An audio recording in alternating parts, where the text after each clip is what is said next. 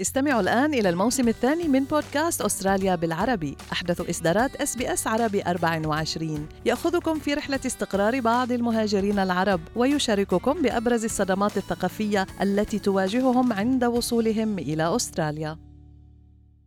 أنتم برفقة SBS عربي 24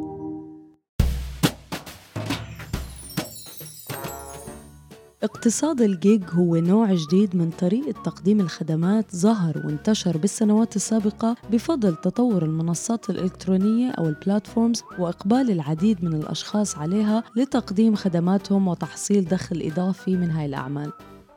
معكم مرام إسماعيل من بودكاست لنحكي عن المال ورح نحكي اليوم أنا والمحلل الاقتصادي عبد الله عبد الله عن أبرز هاي الخدمات المطلوبة والمقدمة في أستراليا. طبعا عبر منصة إير تاسكر أكثر المنصات شهرة واستخداما بين الأستراليين. بس خليني أذكركم أنه كل اللي بنقال بهاي الحلقة هو على سبيل المعلومات العامة فقط وليس نصيحة خاصة. عبد الله قرأت بأحد التقارير عن أحد المتقاعدين اللي قدر يعمل عشرين ألف دولار سنويا عبر تقديم خدماته على منصة إيرتاسكر 100% وهيدي يعني دليل مرام إنه ال gig economy اليوم يعني بعكس المتعارف عليه أو يعني الناس بتحكي فيه إنه هي مش محصورة بالجيل الجديد.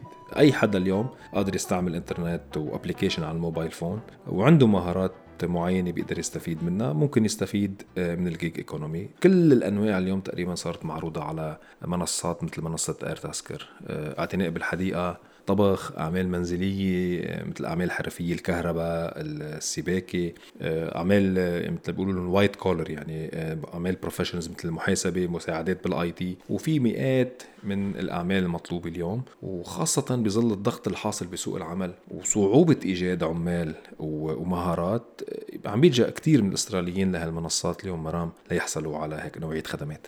وهاي الخدمات آه، بيتم تسعيرها بالخدمة الكاملة وليس بالساعة يعني. أي أنه يقوم طالب الخدمة بالإعلان عنها وبيوضع المواصفات اللي بده إياها وشو المطلوب والمكان والزمان للتسليم. وبيطلب كمان تحديد نوعية العمل والكميات. ويعني إذا بدنا ندهن حائط أو نركب كهرباء لازم نحط المواصفات الكاملة ونقول قديش مستعدين ندفع. مزبوط. ومن الميلة الثانية بيكون في صاحب الخدمة يلي بيكون كمان مسجل على هاي المنصة. بيشوف مثلا إنه اليوم مرام بدها حدا يساعدها بتركيب قطعة أثاث من إيكيا خلينا نقول. ومرام مستعدة تدفع 40 دولار. هلا هو اليوم صاحب الخدمة بيقدم offer ممكن يكون آه، ال offer 40 دولار آه، أو يمكن يكون أقل أو أكثر عادة وقتها بيكون آه، بتكون المنافسة بين مقدمي الخدمات شديدة. يعني الاوفرات بتكون أقل من المطلوب. مثلا بهالحالة ممكن مقدم الخدمة يقدم أقل من 40 دولار لطلبة برامي إلا أنا بعمل جوب ب 30 دولار. طبعا آه، تيقدر يحصل على هذا الجوب. بهاي الأيام وبظل نقص العمالة الأوفرات عادة عم بتكون أعلى من العرض يلي آه، مقدمه طالب الخدمة. وفعلا الأستراليين عم يدفعوا بعض الأحيان مبالغ كبيرة للحصول على الخدمات. يعني السوق بهاي الأيام لصالح مقدمي الخدمات عبد الله. صحيح يعني إذا بنطلع مثلا على Airtasker مرام بنشوف آه، في يعني بعض ال offer ات لخدمات مثلا مثل concreters صبات البطون الصغيره أكيد نحن عم نحكي هون حوالي 1300 دولار عم عم تنعرض بعض الجوز مثل هي كان عم نحكي نحن خاصة بالشهر الماضي يعني هال data موجودة على Airtasker تركيب ال fence يعني ما بين البيوت عم بتكون حوالي 1080 دولار. وفي بعض ال task ات الثانية أو الأمور الثانية مثل الدهان وصلت ل 700 دولار. دهان حياه صغيره والى آخره. ومثل ما كنت عم بقول عم نحكي أكيد عن خدمات صغيرة بتكون معروضة على اير تاسكر ومش يعني والله بطون لمنزل كامل يلي عادة ما بينحط على هيك منصات.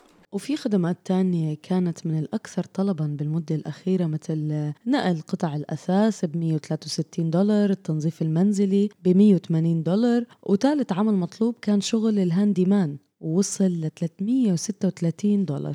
اليوم آه، مرام الكل آه، ممكن يشترك بمنصة Airtasker ما في رسوم لعرض عمل معين ولا أنه في رسوم لتسجيل مقدم خدمة وانه حتى يرسل ال offer ات تبعه. Airtasker اللي بت... طريقة اللي بيشتغلوا فيها إنه بياخذوا رسوم خدمة آه، بنسبة 30% من سعر ال job المتفق عليه بين الطرفين. يعني مثلا إذا آه، تم إكمال المهمة بنجاح آه، مثلا خلينا نقول بسعر متفق عليه كان 100 دولار. Airtasker تاخذ 30 دولار ومقدم الخدمة هو اللي بياخذ ال 70 وفي منصة أخرى لتقديم هيك نوع من الخدمات وهي ال ServiceSeeking. هاي المنصة بتشترط على مقدمي الخدمات يكون عندهم رخصة أو license رسمية من الحكومة للقيام بالخدمات ويكون عندهم ABN اجمالا هي هيدي أكثر لل official tradies يعني اللي هن عندهم هالرخص مثل ما عم بتقولي مرام. وفي كمان وحدة مشابهه لل ServiceSeeking هي ال hipages وكمان هي يعني صله وصل بين tradespeople وطالبي الخدمات. هلأ آه على ال hipages مقدمي الخدمات بيدفعوا اشتراك شهري. بدايته بتكون 99 دولار. وبيدفعوا كمان على كل طلب خدمة بيقدموا عليه مبلغ آه 21 دولار. ولكن هذا هو المب... هي هي الفيزا خلينا نقول اللي بيدفعوها.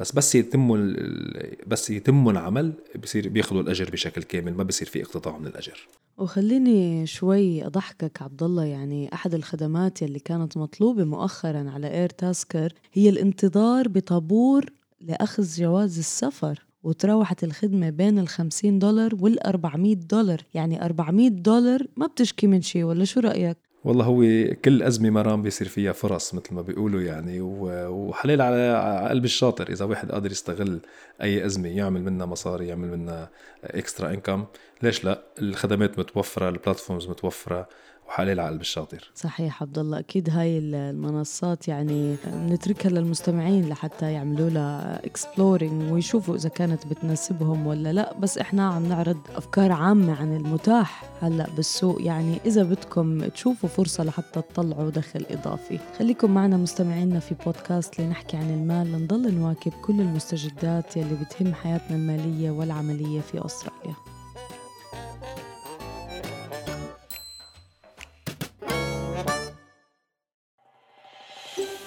هل تريدون الاستماع إلى المزيد من هذه القصص؟